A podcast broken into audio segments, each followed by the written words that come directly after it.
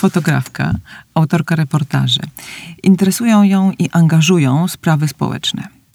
Buduje historię ze słów i z obrazów. Pisze, kiedy zdjęcia nie mogą pokazać wszystkiego. Sięga po aparat wtedy, gdy trzeba zamilknąć. Właśnie wydała książkę Zamalowane okna w wydawnictwie Dowody na istnienie. Porozmawiamy o tej książce, o tożsamości, wypartej, zapomnianej, nie dającej spokoju. Anna Liminowicz zagląda do mazurskich domów, które były świadkami trudnych wydarzeń. To spotkania z Niemcami, Mazurami, Polakami i Ukraińcami. Jak pisze, światy różnych alfabetów i tradycji, światy trudnych wspomnień i bolesnych przeżyć związanych z przymusowym przesiedleniem. Dotyka czegoś, co jest udziałem wielu ludzi, myślę, jednak rzadko się o tym mówi. Tymczasem wspomnienie czasu wojny i przesiedleń jest zawsze z ludźmi, którzy je przeżyli. Ich doświadczenie pozostaje często nieodkrytą tajemnicą, nie tylko dla obcych, ale także dla najbliższych, w tym ich dzieci. Rodzice nie opowiadali, dzieci nie wiedziały o co pytać. Gdy dorosły, często było już za późno na dojrzałe rozmowy. Tak czy owak, niektórzy drążą temat. Temat swojej przeszłości, temat życia swoich rodziców, dziadków, bo ich to męczy. Odkąd pamiętają, ich to męczy. Czasem przychodzi taki moment, że coś nam każe zacząć pytać, dociekać. Z jakich powodów? Jaki to ma związek z teraźniejszością? Anna Liminowicz miała odwagę odkryć, zrekonstruować, rozpracować także przeszłość swojej rodziny. Jakie to uczucie? Może się dowiemy. Jest laureatką Nagrody Krzysztofa Millera za odwagę patrzenia oraz Grand Press Foto za długoterminowy projekt Między blokami. Suma summarum ma tych nagród chyba trzy oraz trzy nominacje. Współpracuje z The New York Times, z Die Welt, The Guardian, The Globe and Mail. Pochodzi z Mazur, co ważne w kontekście naszej rozmowy. Witam cię, wojowniczko. Witam, dzień dobry. Uśmiechnęłaś się na te Mazury po y, The New York Times. Uśmiechnęłam się po całości, bo słucham tak jak nie o sobie. Naprawdę? No tak, bo jakby nie, nie, nie przywiązuję wagi, aż do jakiejś tam szczególnej wagi, co, co zrobiłam. Tutaj tak wszystko jest skumulowane. Mhm. I tak zasadzie, a, Wygląda mm, imponująco. to, to, Czy brzmi imponująco? No tak, ciekawie. Ciekawie, ciekawie, robi wrażenie.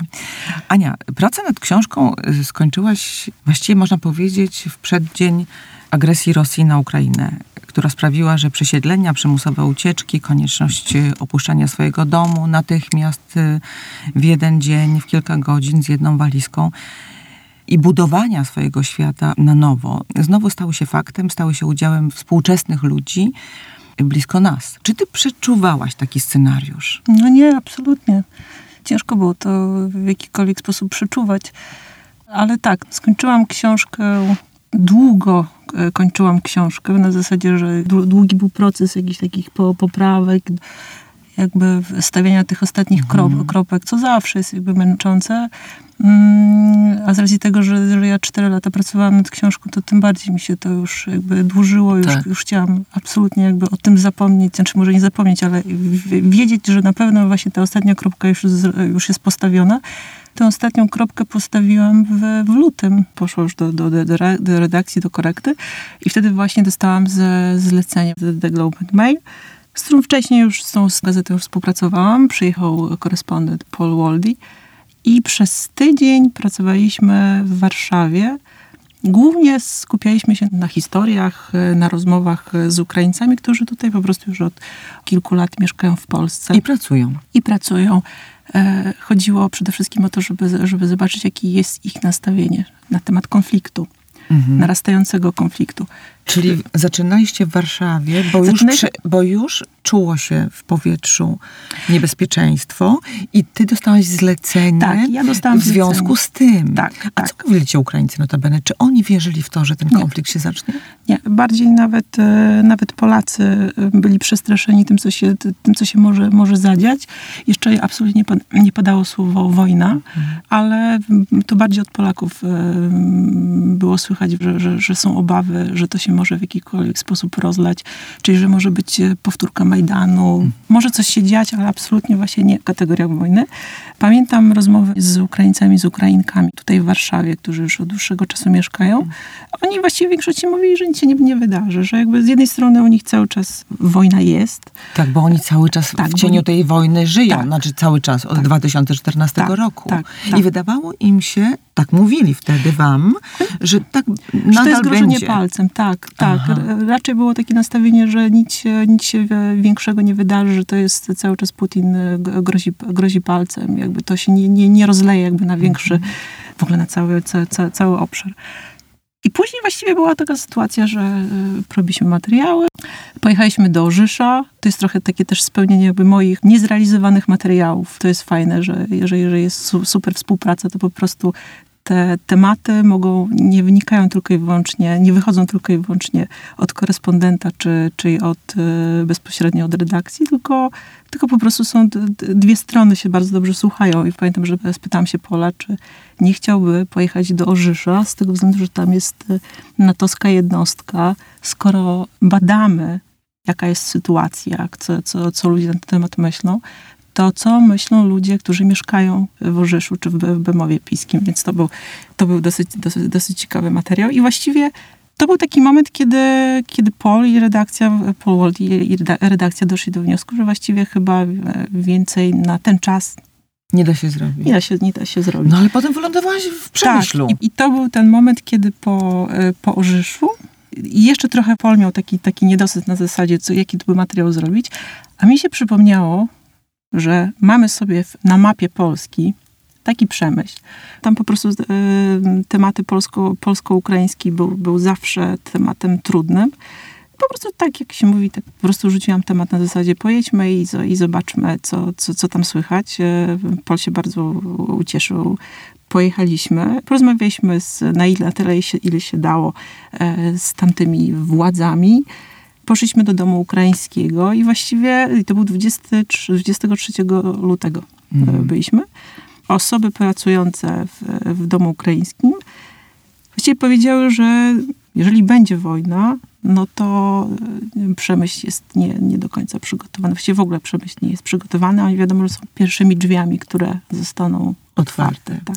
No tak, ale nie jest przygotowanym w jakim sensie? W takim, żeby przyjąć uchodźców? W takim sensie, żeby. Mhm, bo już była przyjąć, mowa o tym. Tak, w takim sensie, Mhm. żeby, żeby przyjąć uchodźców. Pamiętam właśnie mm, no, osoba prowadząca do, dom ukraiński, Igor, powiedział, że właściwie oni są przygotowani na tyle, że mają jakieś doświadczenie w prowadzeniu eventów, czyli właściwie tak z palca to są w stanie jakby postawić 70 wolontariuszy. E, No i mają bardzo dużą przestrzeń Mhm. swoją, która kiedyś była teatrem i jakby tutaj to jest miejsce, gdzie, gdzie, gdzie będą mogli no po prostu Postawić łóżka. postawić łóżka, podzi- tak, podzielić, Mhm. podzielić się przestrzenią. Słuchaj, bo mówimy o ukraińskim domu, czyli o takim miejscu w mniejszości ukraińskiej w- w Przemyślu. Mniejszości ukraińskiej, która jest e, mniejszością, ale tylko na, na terenie tego domu ukraińskiego. Czyli pamiętam jeszcze 23 lutego, rozmawia- tak, lutego jeszcze rozmawialiśmy o tym, że a czy na przykład, nie wiem, wychodzicie na zewnątrz, mówicie po ukraińsku, a nie wiem, a czy na przykład jest jakaś e, knajpa, nie wiem, jakieś potrawy ukraińskie i właśnie był taki ładny uśmiech na twarzy na zasadzie, o czym my mówimy, absolutnie nie ma czegoś takiego. Nie ma w Nie, Przemyślu? czy w sensie nie było. Nie było, tak, tak, Nie tak, było, ale w- sensie- przed 24. Yy, Tak, bo- jesteśmy bo- 23 lutego. Tak, bo mówimy o Ukraińcach, którzy tam mieszkają po prostu, Tak. którzy tam żyją. Tak. A o uchodźcach Tak, będziemy dwie- mówić dopiero Tak, za to są- chwilę. Tak, ale dobrze, no to jesteśmy 23. Co, Jesteśmy- się, co się wtedy działo? No jesteśmy 23, czyli się po prostu nic, nic nie dzieje. Em, wiemy o tym, że jeżeli się cokolwiek zadzieje, to, to nie do końca jest, jest jako, jako miasto, jako, jako władze, po prostu nie, nie, nie, nie, nie byli przygotowani. I 23 wiecz- e, takim późnym popołudniem właściwie doszliśmy do wniosku, że jest zbyt długa, męcząca trasa powrotna do Warszawy. Po prostu zostaniemy w hotelu na noc, wrócimy nast- następnego dnia. Jeszcze pamiętam, Paul jakby sobie tam w kalendarzu ułożył, że wracamy do Warszawy i właściwie może on tam jeszcze za, za, nie wiem, za jeden, za dwa dni i, i, i, I wyjedzie. tak, i, i wyjedzie. Mhm. Jak się rano obudziliśmy, to właściwie wszyscy wiedzieli na świecie, coś, co, co się wydarzyło. Telefon z, z redakcji, zostaliśmy do tak zwanego odwołania. Mhm. Czyli no, to, to był miesiąc. Słuchaj, i ty zaczęłaś dokumentować, zaczęłaś robić zdjęcia. I potem z tych zdjęć stworzyłaś projekt, który zresztą trafił do konkursu Grand Press Photo. To robiliśmy razem. Razem, czyli? Czyli właśnie z korespondentem, czyli z, czyli z Polem, z, z Kanadyjczykiem, z, po- z Polem Waldy. Powiedz, co to było? Dojdę i, i powiem. Mhm. A jakby nasza praca polegała na tym, że codziennie praktycznie robiliśmy jeden materiał, czyli klasyczny, kla, klasy- Dziennikarski, Tak, klasyczna dziennikarska, dziennikarska robo- robota. Paul był odpowiedzialny za tekst, ja byłam odpowiedzialna za, za oprawę graficzną, za, za zdjęcia. Bardzo szybko przyszedł taki moment, kiedy doszliśmy do wniosku, że my nie chcemy się skupiać na takich bardzo newsowych e, historiach. To mogą zrobić inni. Na zasadzie, jakby myśląc kategoriami gazety, że to po prostu można, mo, można zrobić jakby w inny sposób i, i przede wszystkim wszyscy o tym e, Będą- mówią, bo, będą bo, mówić, tak. bo w pewnym momencie to 24 się zaczęło, właściwie tam dwa dni, jeden, dwa dni po i właściwie te, cały świat me, mediów e, zjechał się do, do Przemyśla i do, i, do, i do Medyki.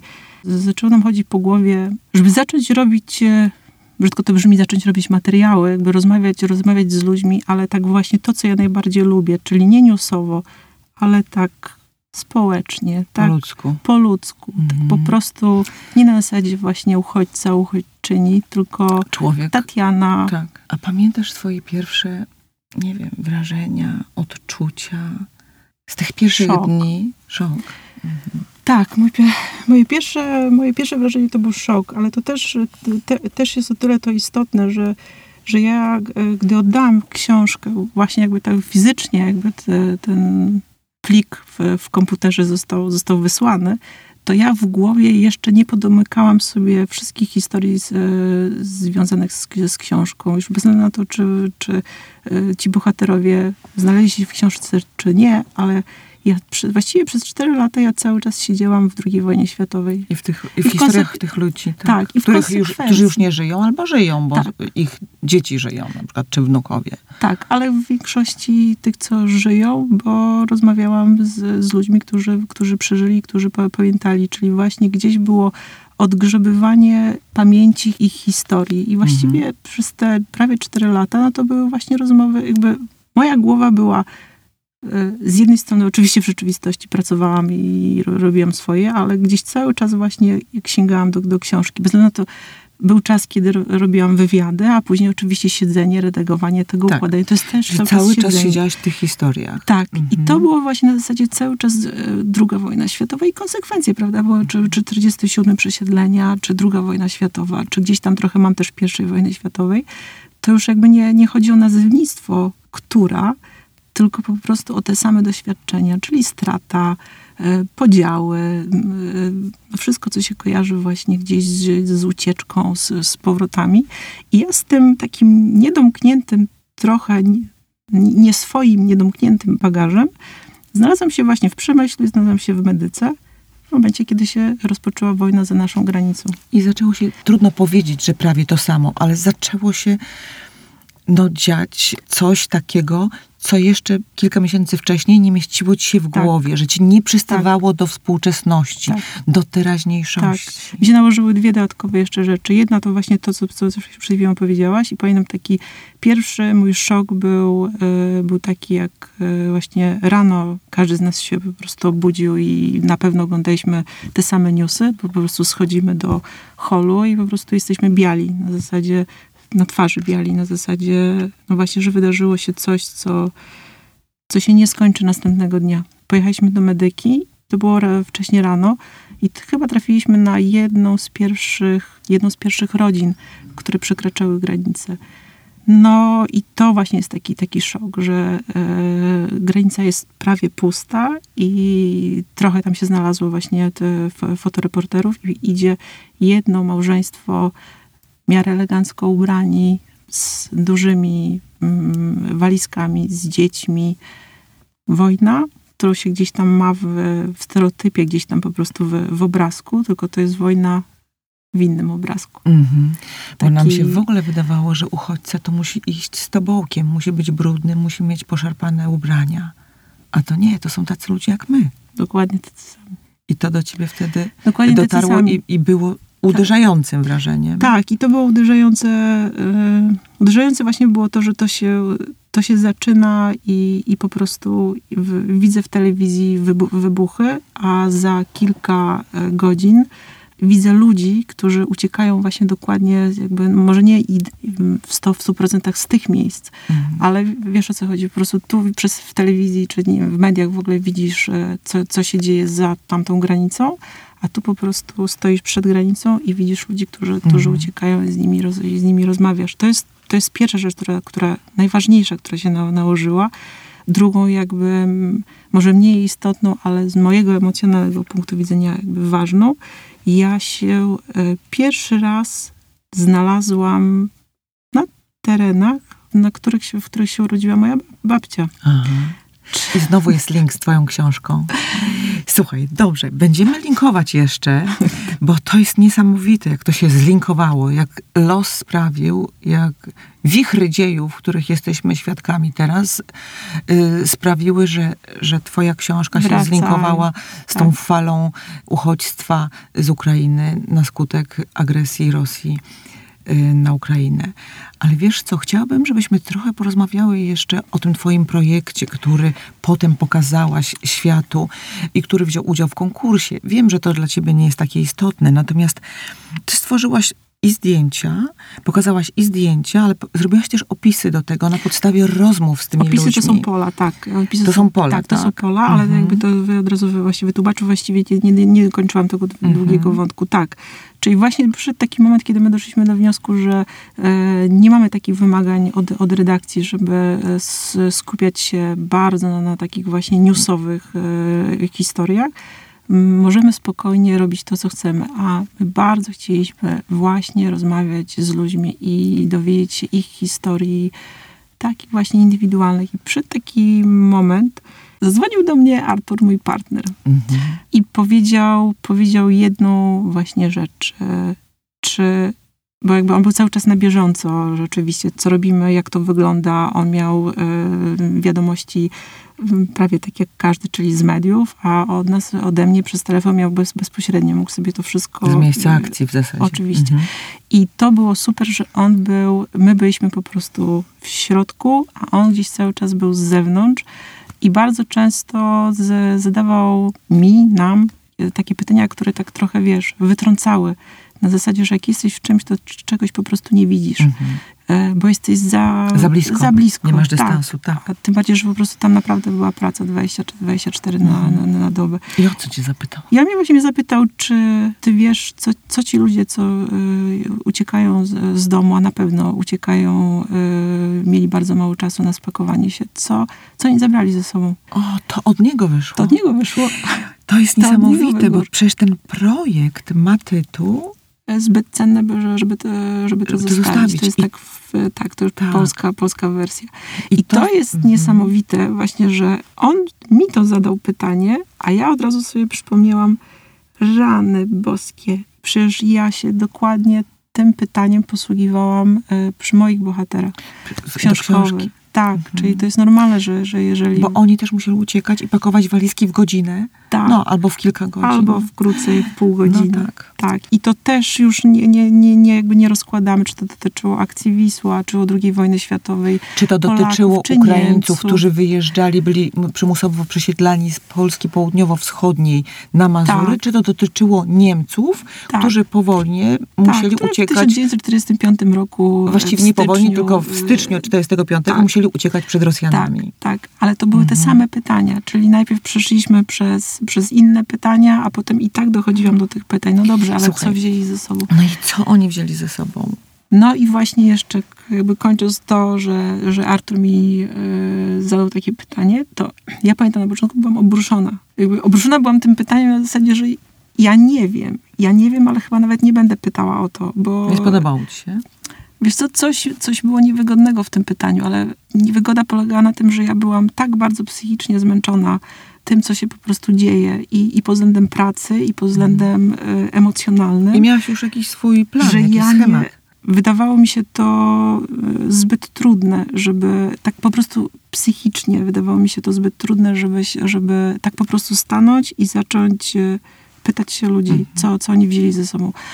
E, A tymczasem? a tymczasem mm, przetrawiłam to i pamiętam potem e, tak w formie takiego żartu to samo pytanie dałam e, Polowi. Mówię, Paul, Artur e, pytał się mnie, ale w sumie nas. Czy my wiemy właśnie z czym ludzie przeszli granice, co wzięli cen, najcenniejszego ze sobą? I on e, popatrzył tak na mnie i mówi, jestem reporterem. Nie Mhm. wiem, muszę wiedzieć. Musimy wiedzieć. Tak. I wtedy powstał pomysł, że musimy to zrobić w najprostszy sposób, jak się da, czyli właśnie krótkimi tekstami. W najprostszy sposób, jak się da fotograficznie, czyli po prostu nie wymyślać za bardzo.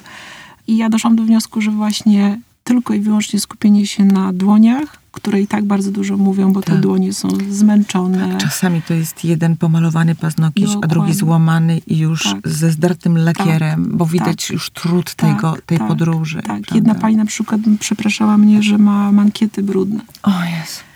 No i właśnie e, finalnie zrobiliśmy to przez cztery dni. e, Bardzo intensywne cztery dni, 30, 33 osoby e, w jednym miejscu, czyli to było na parkingu po byłym Tesco, po które się zamieniło, mm, taki pustostan został zamieniony w, w centrum humanitarne, w centrum pomocy.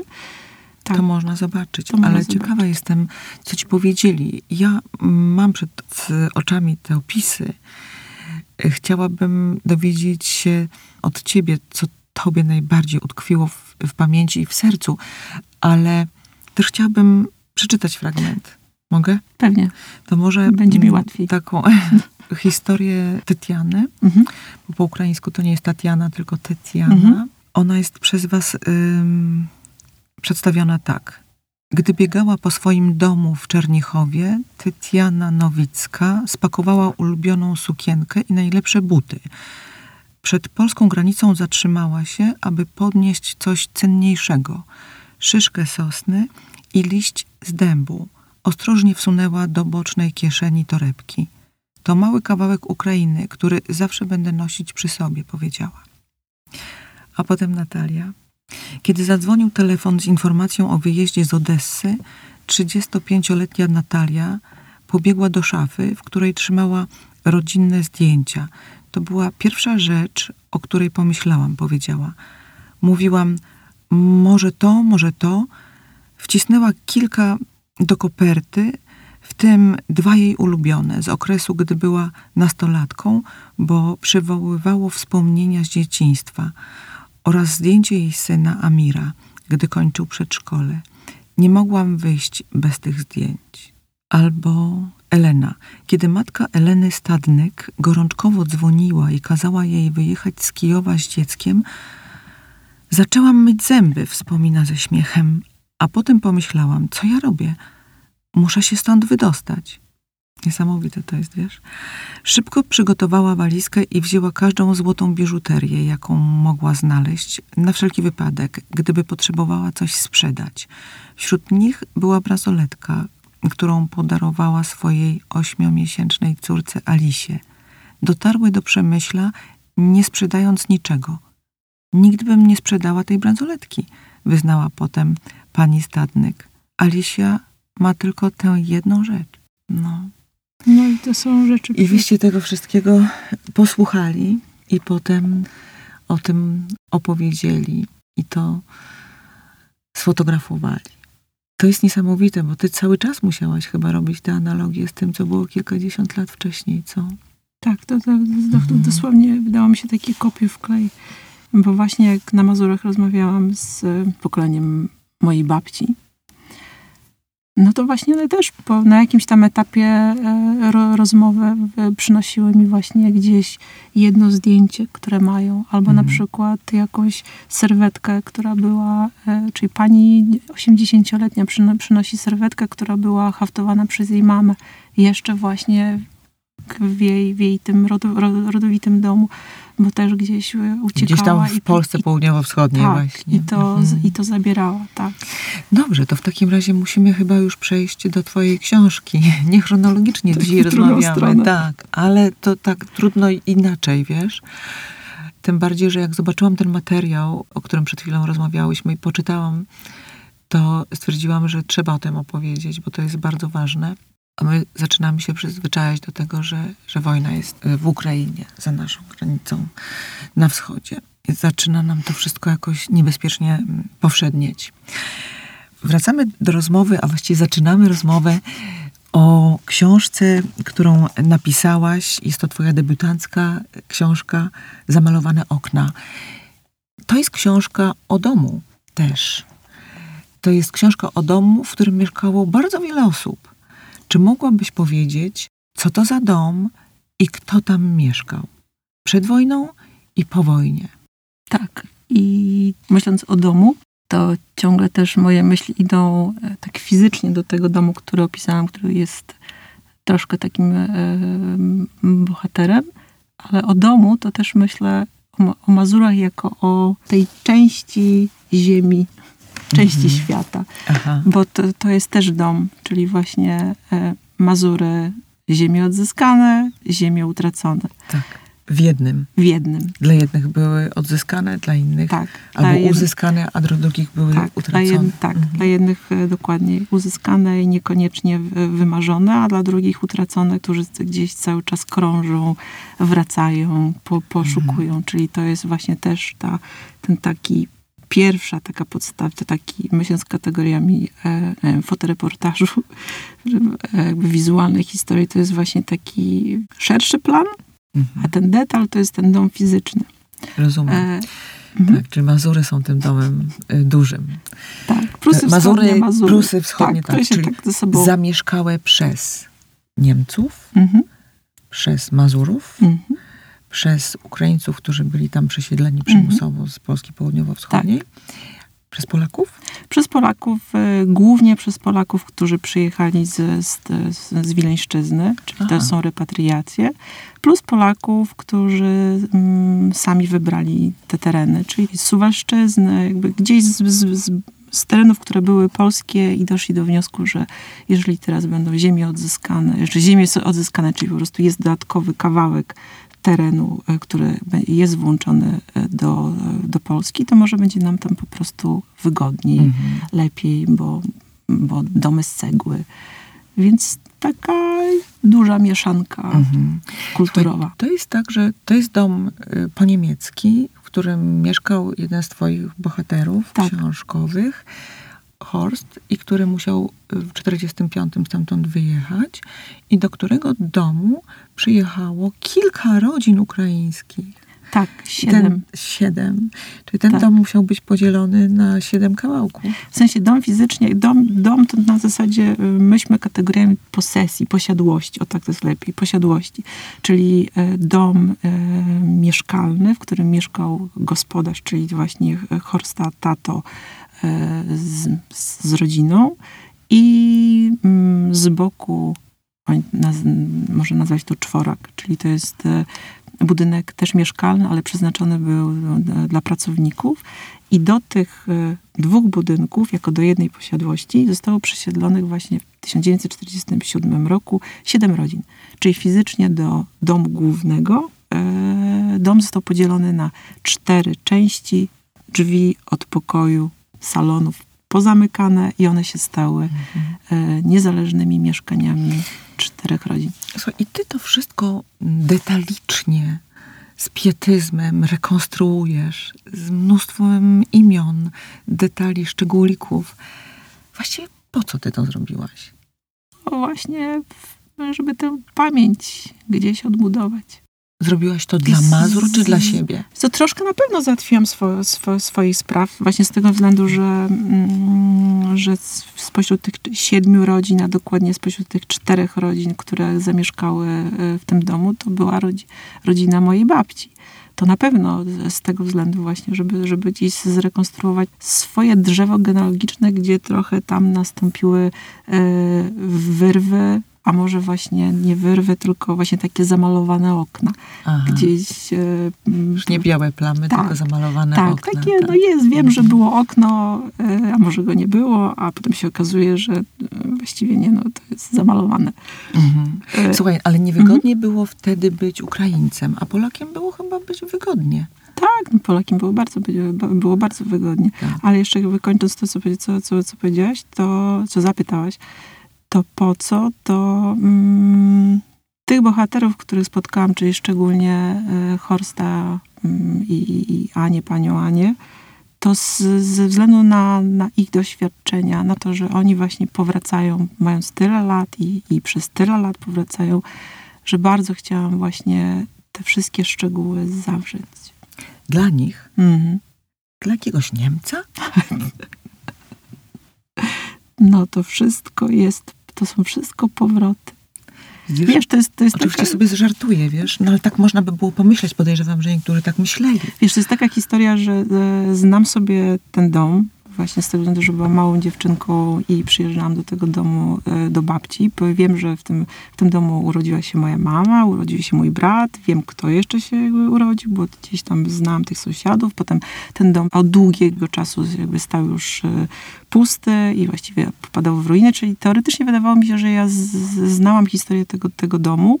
Gdzieś tam od czasu do czasu mama mówiła, no to ja sobie po prostu pojadę do Pereł i zrobię sobie taką, wiesz, samotną wycieczkę, w zasadzie przejdę się, Wspominkową. tak, taką wspominkową. I to jest coś, co po prostu było w głowie, na zasadzie kolonia w Perłach, jakby, jakby dom, Jaka piękna nazwa zresztą. tak, perły. A potem właśnie pojawia się taki pan, który ma 91 lat i okazuje się, że on tak w końcówki lat 70. on co roku przyjeżdża do tego domu. Jakby w sensie też robi wspominki, też, też przyjeżdża. Coś go ciągnie. Coś go ciągnie. I- I nakładają przyje- się dwie Mhm. historie, że ten dom, jak i ten teren cały, przecież ma ogromną historię. I każdy wraca, czy to jest ten dom, czy inny, każdy wraca po coś, coś sobie załatwić, bo byłam świ- świad, świadkiem takiej intymnej rozmowy między Horstem a jego córką i, i zięciem. Córka zadała e, ojcu, czyli Horstowi pytanie, że właściwie czy ten dom do nas wróci. Czyli wiesz, czyli właściwie taki, czy ten dom, czy to miejsce, czyli to jest taki stereotyp, który, który bardzo często nosimy w głowie. Wraca Tak. Niemiec, tak? A Czyli na pewno chce odzyskać albo Tak. odebrać Tak, tak. ten dom teraźniejszym Tak. mieszkańcom czy właścicielom, tak. prawda? A właśnie Horst, czyli właśnie ten Niemiec, do którego od razu nakładamy właśnie taką kalkę tego stereotypu, on, on się dziwi pytaniem. Absolutnie on o tym nie myśli. Że w ogóle po co tu wracać? Że Do tej rudery. po pierwsze do Rudery, bo on widzi, że, to, że tutaj od, od 70 lat właściwie nikt nie, niczego nie, nie, nie robił, że to jest ruina. Ale z drugiej strony on nawet tłumaczy, że ale to jest normalne, że to jest, że on się nie, dziwi- nie dziwi, że to jest ru, ru, ru, Rudera, Bo? Bo to jest takim rzut beretem, czyli naprawdę tam jest 4 czy 7 kilometrów i już jest e, granica z obwodem kaliningradzkim. Czyli jak on fajnie, to fajnie powiedział, nie ma co się dziwić, bo jesteś w domu i masz zasięg e, telefonii komórkowej Polski, wychodzisz na ganek i możesz już złapać rosyjski zasięg. Czyli, Czyli chcesz nas- powiedzieć, że po co tu mieszkać? tak, albo po co inwestować, po co zapuszczać korzenie. Czyli ci ludzie często mieli takie poczucie tymczasowości, bo jedni pewnie mieli nadzieję, że wrócą gdzieś tam na południe, prawda? tak. A po- inni się bali, Tak. więc nie, nie zapuszczali korzeni. Tak, to poczucie tymczasowości, mm, ja słyszałam o tym, że właśnie, że, że jest poczucie tymczasowości pokoleniu moich, e, moich, e, moich dziadków, czyli właśnie tych, którzy zostali pierwszymi osadnikami na, Mhm. na, na terenach, czyli no, na ziemiach, czy mówmy po prostu na Mazurach. Tak. E, tak, że oni mają poczucie... Na ziemiach poniemieckich też Tak, możemy tak, na obrazowo powiedzieć, tak, żeby rozumieć ten... I to faktycznie, Mhm. jakby to słyszałam trochę mi się tak jakby nie mieściło w, w głowie, ale później jak właśnie zaczęłam rozmawiać em, z ludźmi, dokładnie oni zaczęli mi to, ze swojej perspektywy zaczęli mi to opowiadać. Tylko wiesz, tylko to jest, to jest opowieść e, typu, gdzie jest pani dom? A pytanie jest do pani, która ma 80 z kawałkiem. I pani, na przykład Hania, mówi, mój dom jest na cmentarzu. Ja tam czekam, żeby, żeby tam, tam już, już, już, już być, już wylądować. Tego Wie pani Haniu, zapomniała. Tak, ja mówię, pani Haniu, ale przecież pani tu urodziła dzieci. Czyli tu, czyli właśnie na Mazurach pani urodziła dzieci. Z kolei pani się urodziła, wychowała e, w południowo-wschodniej części, w południowo-wschodniej Polsce. I co ona mówi? A Ona mówi, że po pierwsze to ona nigdy nie zapuściła korzeni e, na Mazurach, nigdy nie wróciła do starych terenów, do swoich terenów, ale nie wróciła nawet w takich kategoriach, że nigdy nie odwiedziła. Dlaczego? Bo rola, bo praca na rynku, bo gospodarka, bo wychowywanie dzieci, bo wychowywanie wnuków, bo po prostu praca. Nie dane jej było, ale nigdy nie zapomniała? I ona właśnie przy tym pytaniu, ona powiedziała, że ona prawie codziennie śni o swoim domu. A z drugiej strony mówi, że ona nie ma domu, że ona jest po prostu wykorzeniona. Słuchaj, to musi być niesamowicie bolesne doznanie i doświadczenie egzystencjalne. Całe swoje długie życie spędzić w tej tęsknocie, w takim żalu też, prawda? Że takim utraconym rajem, cudownym miejscem dzieciństwa. Tak, oczywiście wiadomo, że potem jakby idealizujemy sobie Tak, jakby ten, ten, tak. ten, ten, ten, ten dom, ten, ten kraj, jakby, że część, daną część, to jest, to jest, to jest normalne.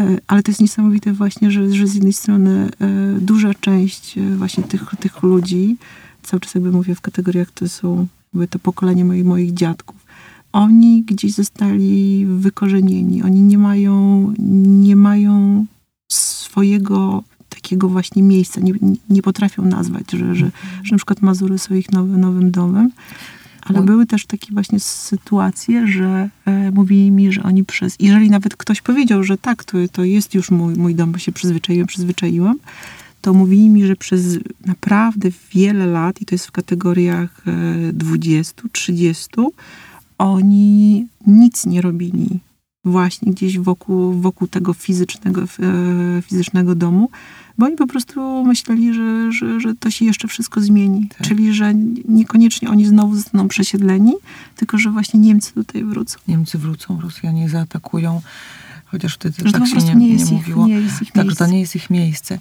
Zobacz, czyli ta pani nigdy nie wróciła tam na południe, natomiast Horst jednak fundował sobie te powroty rokrocznie. Tak. Dowiedziałaś się, co mu to dawało, co mu to załatwiało? On sobie e, do pewnego czasu sam fundował, przyjeżdżał ze swoim rodzeństwem. Później rodzeństwo e, niestety w naturalny sposób przestało jeździć, bo gdzieś choroba i ostał tylko on. Po jakimś czasie to się stał prezent jego córki. Czyli to, to jest urodzinowy Mhm. prezent dla, dla ojca. To są powroty do, do swojego dzieciństwa, powroty do, do, do swojego miejsca, powroty do, do rodzinnych terenów. On się najbardziej wzruszał przy miejscach, z którymi był bezpośrednio związany, czyli właśnie jest sobie takie okno, z którego y, w, w domu, w którym on siadał i sobie patrzył na, Na to, tory, na tory. pamiętam to tak. On nie, nie miał tak. możliwości wejścia do tego domu, ale po prostu krążył, że właśnie Mhm. z tego miejsca on widział, on, on widział tory. Czy Buda Psa, y, betonowa Buda Psa, która przetrwa i w najlepszym jest stanie z, z całego tego, y, z, z tego miejsca. Ale on też y, przyjeżdża z, z jedną rzeczą, której już nie może załatwić. On ma straszne wyrzuty sumienia, że on nigdy nie zaproponował swojemu ojcu przyjazdu Mhm. Jako takiej właśnie wyci- wycieczki do Ponieważ miejsca. Ponieważ co by to miało zmienić w życiu ojca, albo może w ich relacjach? Wiesz co, tego nie wiem. Tego nie wiem, bo, ym, bo Horst y, by tak daleko nie szedł. Nie E, psychologizował. Tak, tak. A ja bardzo lubię, Bo ja chciałam to zrozumieć, Ja też. wiesz, Ja co, też. co mógł podarować, co mógł zrobić tym gestem wobec swojego ojca właśnie ten twój Wiesz bohater. To, to raczej na, na, na tyle, bo ja też mam takie tendencje i też zawsze tam do, do, dopytuję, ale Horst bardziej chciał załatwić e, coś sobie, nie, nie, nie, nie, nie ojcu. Bo on mi właśnie powiedział, że, że on po prostu ma, że z jednej strony po prostu przyjeżdża, bo to jest cały czas jego dom i nie wyobraża sobie roku bez przyjazdu do, do, do Pereł, dla niego to jest do, do, do, do. Ale przede wszystkim właśnie, czy przede wszystkim, ale też właśnie, że on e, po prostu ojciec umarł. Nie z, żył, nie zadawał takich pytań. Czyli on nie zadał pytań, on miał, wyrzuty on miał sumienia. wyrzuty sumienia i miał też pewnie luki w wiedzy na temat życia ojca. To na pewno, to na pewno, Mhm. bo, bo ja oczywiście też pytałam na zasadzie właśnie o ojcu, jedno pytanie, drugie i po prostu widzę, że nie dowiem się, bo on, bo on wielu rzeczy nie wie. E, Zobacz, mhm. ja dzisiaj we wstępie do tej naszej rozmowy powiedziałam, że bardzo wielu z nas ma takie luki w wiedzy na temat historii swojej rodziny. Czasem te luki nie są istotne, a czasami one rzutują na nasze teraźniejsze życie, na nasze relacje z innymi ludźmi, na nasze poczucie własnej wartości, na naszą odwagę lub brak tej odwagi w życiu. I podejrzewam, że ludzi tak musi ciągnąć do tych miejsc swoich przodków, dlatego, że chcą zrozumieć coś, dowiedzieć się czegoś o sobie. Zgadza się. Od tego są nawet, nie wiem, no każda terapia przecież No na, tym polega, że tam drapiesz, prawda, w, w komfortowych, be, bezpiecznych warunkach drapiesz swoją przeszłość i, Mhm. no i wtedy sobie układasz właśnie, e, nie na zasadzie szukania winnych nie wiem, w rodzicach, w dziadkach i w całej rodzinie, tylko właśnie zrozumienia tego. A żeby to zrozumieć, to trzeba to poznać. Mhm. Poznajesz swoją rodzinę, swoje korzenie, poznajesz siebie. No i właśnie to, to, to, to, to, Ale to co zobacz, powiedziałeś. ludzie nie chcą specjalnie tego robić, chociaż czasem coś ich do tego pcha, bo oni się boją prawdopodobnie, że dowiedzą się czegoś złego. Że to nie zawsze musi być sentymentalna historia. Prawda? Więc do tego trzeba mieć chyba odwagę. Z jednej strony może odwagę, ale z drugiej strony też bardzo często e, jest gdzieś takie odcięcie od emocji. Mhm. Czyli jeżeli ktoś po prostu jakby jest odcięty, no to nie, nie, nie ma możliwości, żeby, żeby gdzieś e, dotarł do, do, do, do, do tych właśnie Tak. głębinek. Mhm. Ale a propos Horsta, który jakby nie zadał pytania i jakby tu już mogłam sobie tak nałożyć taką tezę, słuchając jego, że on się gdzieś kieruje wyrzut, wyrzutami sumienia, że właśnie Mhm. nie zadał, nawet tu nie chodzi o zadanie pytania, tylko on to, on to powiedział, że ja po prostu przyjeżdżałem rok w rok i nie wpadł na to, żeby zaproponować ojcu, chodź pojedziemy razem. Mhm. Ojciec też nigdy nie powiedział, że chce jechać. Przychodzi taki moment, kiedy brakuje ci już tej drugiej osoby, bo odeszła, umarła i nie możesz tego zrekompensować. E, I to samo na przykład było w przypadku e, innego bohatera, też Niemca, Uwe, który Tak. też nie zadawał, e, kiedy był na to czas, nie zadawał pytań, czy on inaczej, on zadawał pytania, tylko zderzył się ze ścianą, czyli ojciec Nie chciał mówić. nie chciał mówić. Mhm. Czyli on sobie zdał sprawę z tego, że ym, ma wielką wyrwę właśnie w życiorysie ojca do 1945 roku, czyli czasy wojenne, przedwojenne. On właściwie nie zna historii swo- swojego, swojego ojca. I to jest właśnie też coś, co chyba się mm, przychodzi z, z, z biegiem lat, że jak już masz jakiś tam bagaż doświadczeń, chcesz zadać pytania, bo te pytania są już dojrzałe, gdzieś tam z twojego właśnie punktu, punktu do, do, doświadczenia. A potem się okazuje, że nie masz komu ich zadać. Tak, już jest za późno. I właśnie taki Uwe nie miał możliwości, nawet jeżeli miał, to właśnie by, by była, była ściana. Tak, a czy to nie było Mhm. tak, bo coś sobie przypominam właśnie z tej lektury, twojej książki, że on przyjechał, żeby zrozumieć, dlaczego ojciec wobec niego był szorstki? Pewnie to są też te pytania, które się próbuje zrozumieć poprzez tę skomplikowaną historię i poprzez, poprzez rozmowy z ludźmi podobnie doświadczonymi. Bo to, że miał jego ojciec e, wątek nazistowski, nazi- gdzieś, gdzieś tam było mu blisko do tamtej strony, to, to Uwe wiedział. Gdzieś tam szukał trochę, w, em, na ile się dało w archiwach. ale nigdy nie usłyszał tego od, od ojca i właśnie zawsze gdzieś ten był granica, prawda? Na Tak. zasadzie tyle ci powiem, więcej nie. Postanowił przyjechać w nadziei, że może coś mu się wyświetli. Tak, ale to jest taka silna, Uwe jest niesamowitym, e, niesamowitym e, człowiekiem. To jest taka, taka silna potrzeba e, zrekonstruowania w ogóle jakby swojej tożsamości, czyli on się urodził już w Niemczech, jego ojciec właśnie na, na terenach Prus i on odkąd zaczął przyjeżdżać właśnie na Mazury, czyli też tak po lata 70., początek lat 80., to on zaczął kolekcjonować wy- wywiady z ludźmi, którzy tu mieszkali. E, od, od, odnal- skupił się przede wszystkim na Stręgielku. Jakby z różnych powodów bardzo polubił akurat tę wioskę, a nie, a nie inną. Stręgieł. Stręgielek, tak. Strę, Stręgielek. Stręgielek. I on właściwie zrekonstruował st, st, Stręgielek w sensie Klein Stręgiel, Mhm. Czyli właśnie wioskę, którą ja znam jako polską, polsko-ukraińską, a on zrekonstruował ją jako, jako niemiecką.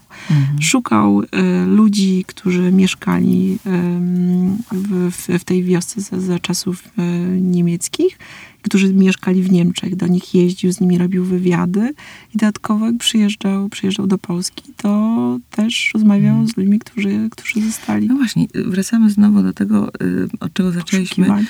Tak, poszukiwania. I co? I ci ludzie, z którymi rozmawiał, Polacy nierzadko, nie bali się go? Już się nie bali, jak on tutaj próbował rekonstruować niemiecką historię tego Stręgielka?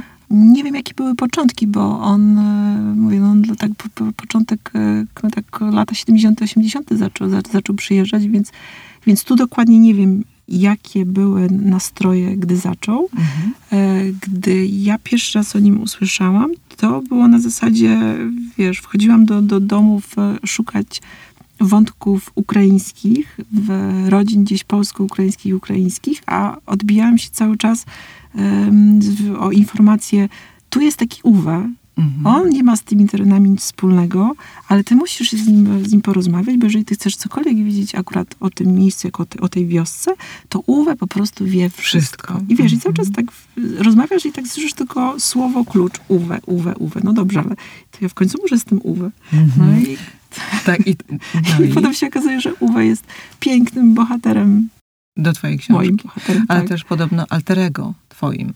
No właśnie ta...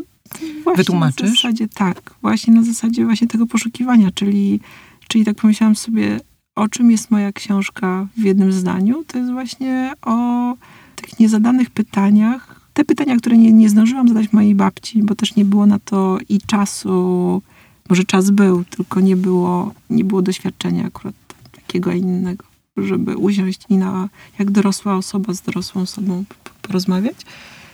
Czyli tych pytań, których nie zadałam babci, y, to na te pytania odpowiadają mi bohaterowie, którzy są z jej pokolenia.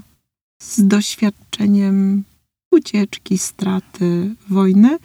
I Uwe jest takim właśnie, takim właśnie alterego, bo on robi dokładnie to samo, tylko z innym bagażem. Bo z, bagażem od strony Niemiec. Czego się dowiedziałaś o sobie?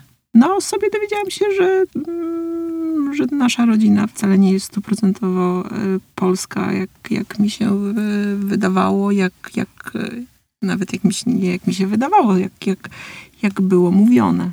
Tylko właśnie na etapie zbierania materiałów okazało się, że jednak jest wątek ukraiński i to nie jakiś tam bardzo daleki, bo mojej babci tato był Ukraińcem, a mama Polką gdzie to zostało całkowicie, można ładnie powiedzieć, zapomniane, ale to, to nie było zapomniane. To Było było, wyparte. to było wyparte, wyczyszczone i właśnie to mi się tak nałożyło na zasadzie, że przyjechałam do tego właśnie domu, który, który opisuję i tak stoję sobie przy ścianie, frontowej ścianie, gdzie jest zamalowane okno. No i tak patrzyłam właśnie na to okno i na zasadzie zamalowane w kategoriach, co ono znaczy w kategoriach mojej rodziny, ale co znaczy w kategoriach innych rodzin, które tu mieszkały, a co znaczy w kategoriach w ogóle jako tego terenu. Można powiedzieć nawet zafałszowane. No tak, Mhm. no tak. Słuchaj, bo przecież ci ludzie, którzy przyjeżdżali z południa w ramach przymusowego przesiedlenia, w ramach akcji Wisła, no, za karę za, w ramach zbiorowej odpowiedzialności za Wołyń, to oni tutaj, znaczy w Polsce, nowej Polsce powojennej, łatwo nie mieli. Przecież często było tak, że zmuszano ich albo nakłaniano do, z, do zmiany nazwisk, do spolszczenia swojego ukraińskiego nazwiska. Tak. No i niektórzy z tego korzystali i zatem szły inne ruchy, które miały na celu no jakby zamazanie albo wyparcie się swojej tożsamości. W sumie ze strachu. No, z, tak, ze, ze, strachu, z, ze strachu, z poczucia, tak. Czyli z, z drugiej strony, żeby sobie załatwić bezpieczeństwo, prawda? Mhm. Bo za Ukraińcami ciągnęła się czarna legenda, nie? Czarne podniebienie. Czarne podniebienie, tak. Tak, czarne podniebienie. I za Mhm. moich czasów, czyli w sensie, gdy ja się wychowywałam na Mazurach, to też było e, takie, wiesz, takie słowo czarne podniebienie, które, które właściwie nie wiadomo, co, co, ono znaczyło. Mhm. Ale było na zasadzie, to jest wioska polska, ta jest wioska e, bardziej ukraińska i tam, tam są źli, tam, tam są z czarnym podniebieniem.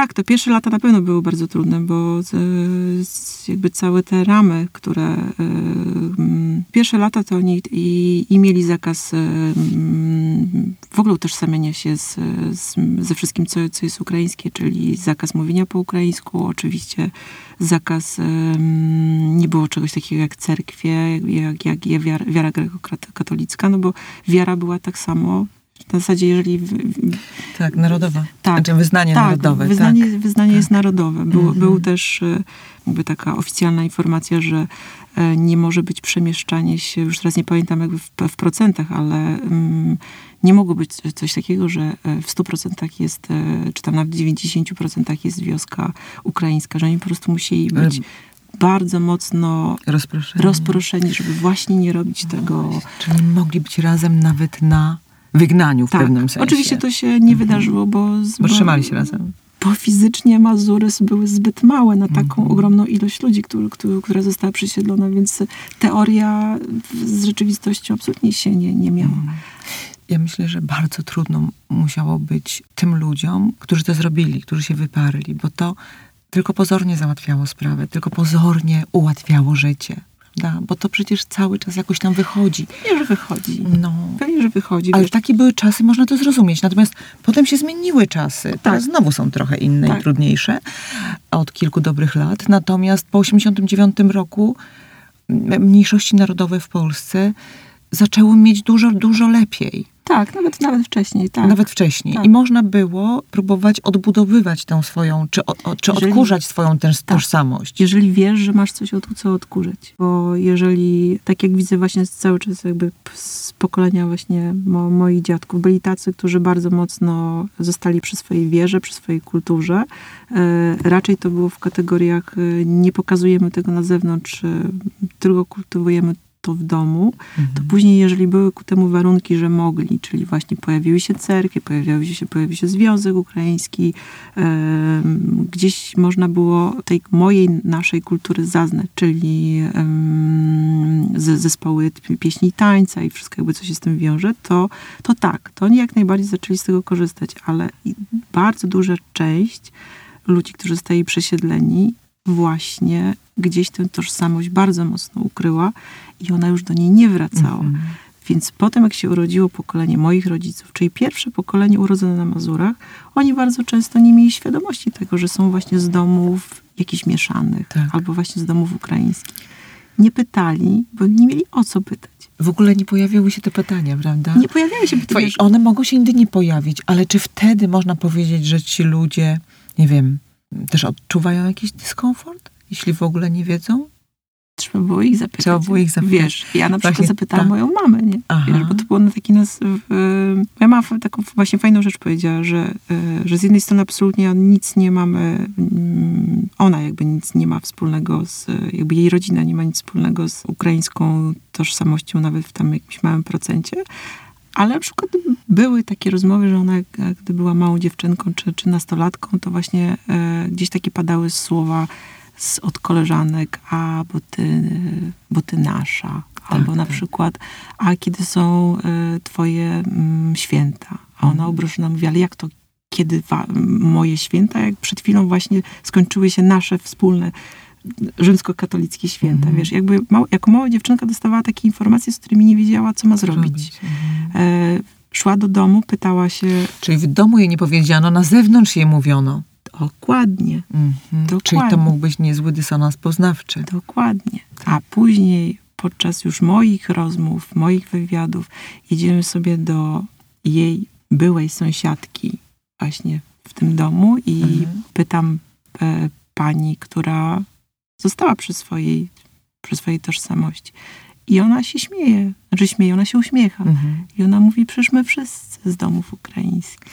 No widzisz, popatrz, ile lat musiało minąć, żeby to do, do człowieka dotarło, prawda? I sąsiedzi wiedzą. Tak, A wiedzą, a czasami jest to temat tabu. Aniu, musimy niestety puentować, a ja mam jeszcze jakieś dwa pytania do ciebie. Miałabym y, 20, ale y, czas, trzeba się trzymać w jakichś czasowych ryzach.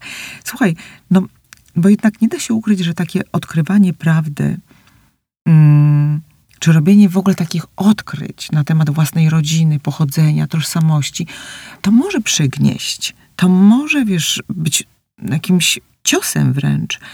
A czym było dla ciebie? Czy to był cios, czy uwolnienie? Nie, ja chyba co, tego nie miałam. Ani, ani ciosu, uwolnienie może tak, e, ciosu na pewno nie. To był, u mnie to był taki uśmiech na twarzy, taki na Mhm. zasadzie, że mm, wiem, jak, gdzie zostałam wychowana, jak zostałam wychowana, e, gdzie na kogo jakoś mm, wychowana, to myślę w kategoriach już niekoniecznie rodziny, ale jakby tamtego miejsca, tamtego te, terenu, ludzi, l, l, z ludzie, którzy mnie wychowali. Trochę taki chichot to jest historii na zasadzie, że ty jesteś z tej części świata, przynależysz do Polaków, z tej części e, tam niekoniecznie, a taki chichot, że na zasadzie a, a jednak, A jednak nie. a jednak nie Jesteś do po końca drugiej, tak st- jest. z, tamtej, z tamtego świata też trochę a jesteś, z tamtego świata nie? też, to też Tak. trochę mam. Taki chichot, że jak się właśnie w, pogrzebałoby u wszystkich w drzewach genealogicznych, też by się Tak, znalazły ale nie da się też ukryć, że teraz to może być nawet chichot. Możemy się do tego uśmiechać.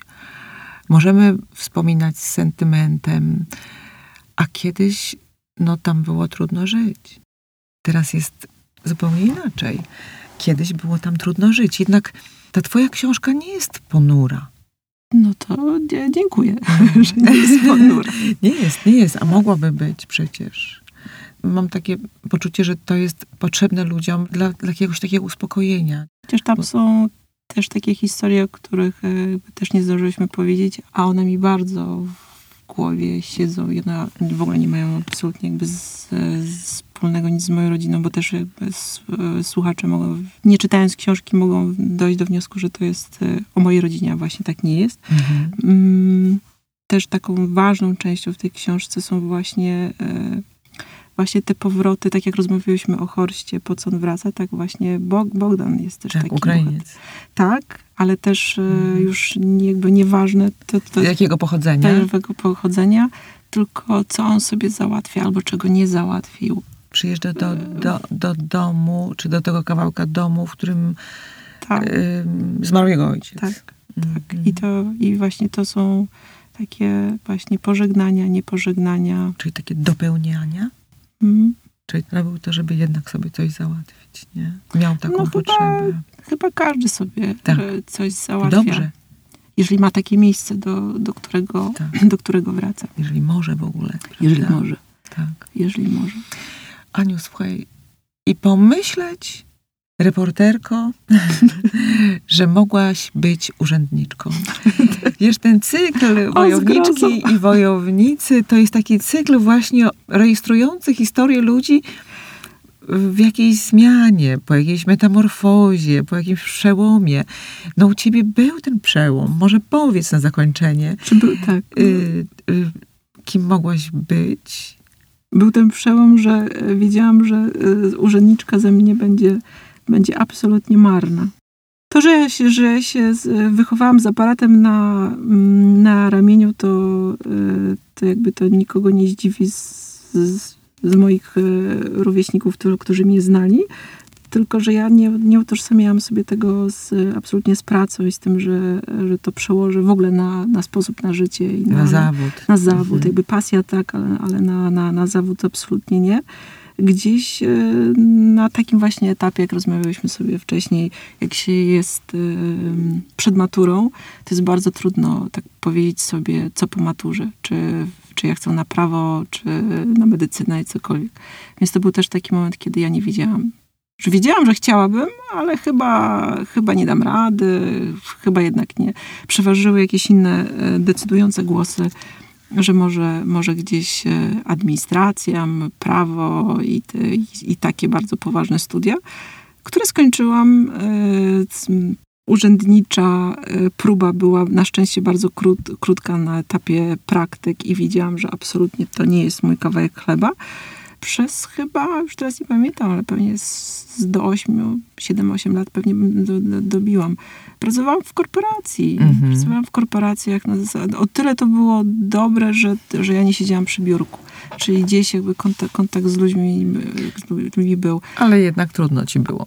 Bardzo było mi trudno, bo to były czasy, kiedy zarabiało się akurat w takim rodzaju korporacji bardzo dobrze i jakby pod względem finansowym nie miałam na co narzekać, ale ja doszłam do ściany, takiej mentalnej, psychicznej doszłam do ściany, że, że ja już nie potrafię. Nie, nie, nie, nie, nie jestem w stanie. Nie chcę się uczyć e, medycznych e, rzeczy. Kompletnie mnie to nie interesuje. E, szkoda mi życia, szkoda mi czasu. Sięgnęłam deprechy, takiej, takiej po prostu ani jednego dnia dłużej. I pamiętam, to były czasy, kiedy naprawdę się nie rezygnowało z takiej, z takiej pracy. Mhm. Jak e, składałam papiery, pojechałam właśnie, pamiętam, do Warszawy i składałam papiery, że nie wiem, co będę robiła. Naprawdę nie wiem, bo nie miałam żadnej, żadnej alternatywy. To na pewno nie ten rodzaj pracy. To bardzo byli zdziwieni. Że, że, że nie chcesz kontynuować. Że nie chcę kontynuować, tak. I potem były różne zbiegi okoliczności, jakiś tam krótki epizod w pracy gdzie moimi klientami byli e, ludzie prowadzący zakłady fotograficzne. Oh. I to jest takie, wiesz, takie trochę jak, e, jak z filmu, na zasadzie weszłam sobie do zakładów fotograficznych i poczułam zapach chemii, Aha. zapach po prostu takich starych, fajnych zakładów fotograficznych i tak po prostu... Gdzie się wywoływało zdjęcia. Tak. I wszystko mi wróciło. Hmm. I potem w naprawdę bardzo szybkim tempie zaczęłam nadrabiać zaległości. Była jedna szkoła fotograficzna, Potem przerodziłam się do Warszawy, bo wtedy mieszkałam w Trójmieście. Uniwersytet Warszawski, fotografia, bardzo zacna kadra, której dużo zawdzięczam. Potem dużo, dużo bardzo edukacji za granicą. Ja cały czas się uczę. No właśnie, proszę Państwa, jest taka strona www.annaliminowicz.pl. Tam można obejrzeć trochę zdjęć, bardzo ciekawych. No i zachęcamy do przeczytania książki. I jeszcze jest druga strona, która się nazywa zamalowane okna. No tak, o książce. Tak, o tak. książce. Aju, dziękuję Ci za tę rozmowę. Bardzo dziękuję.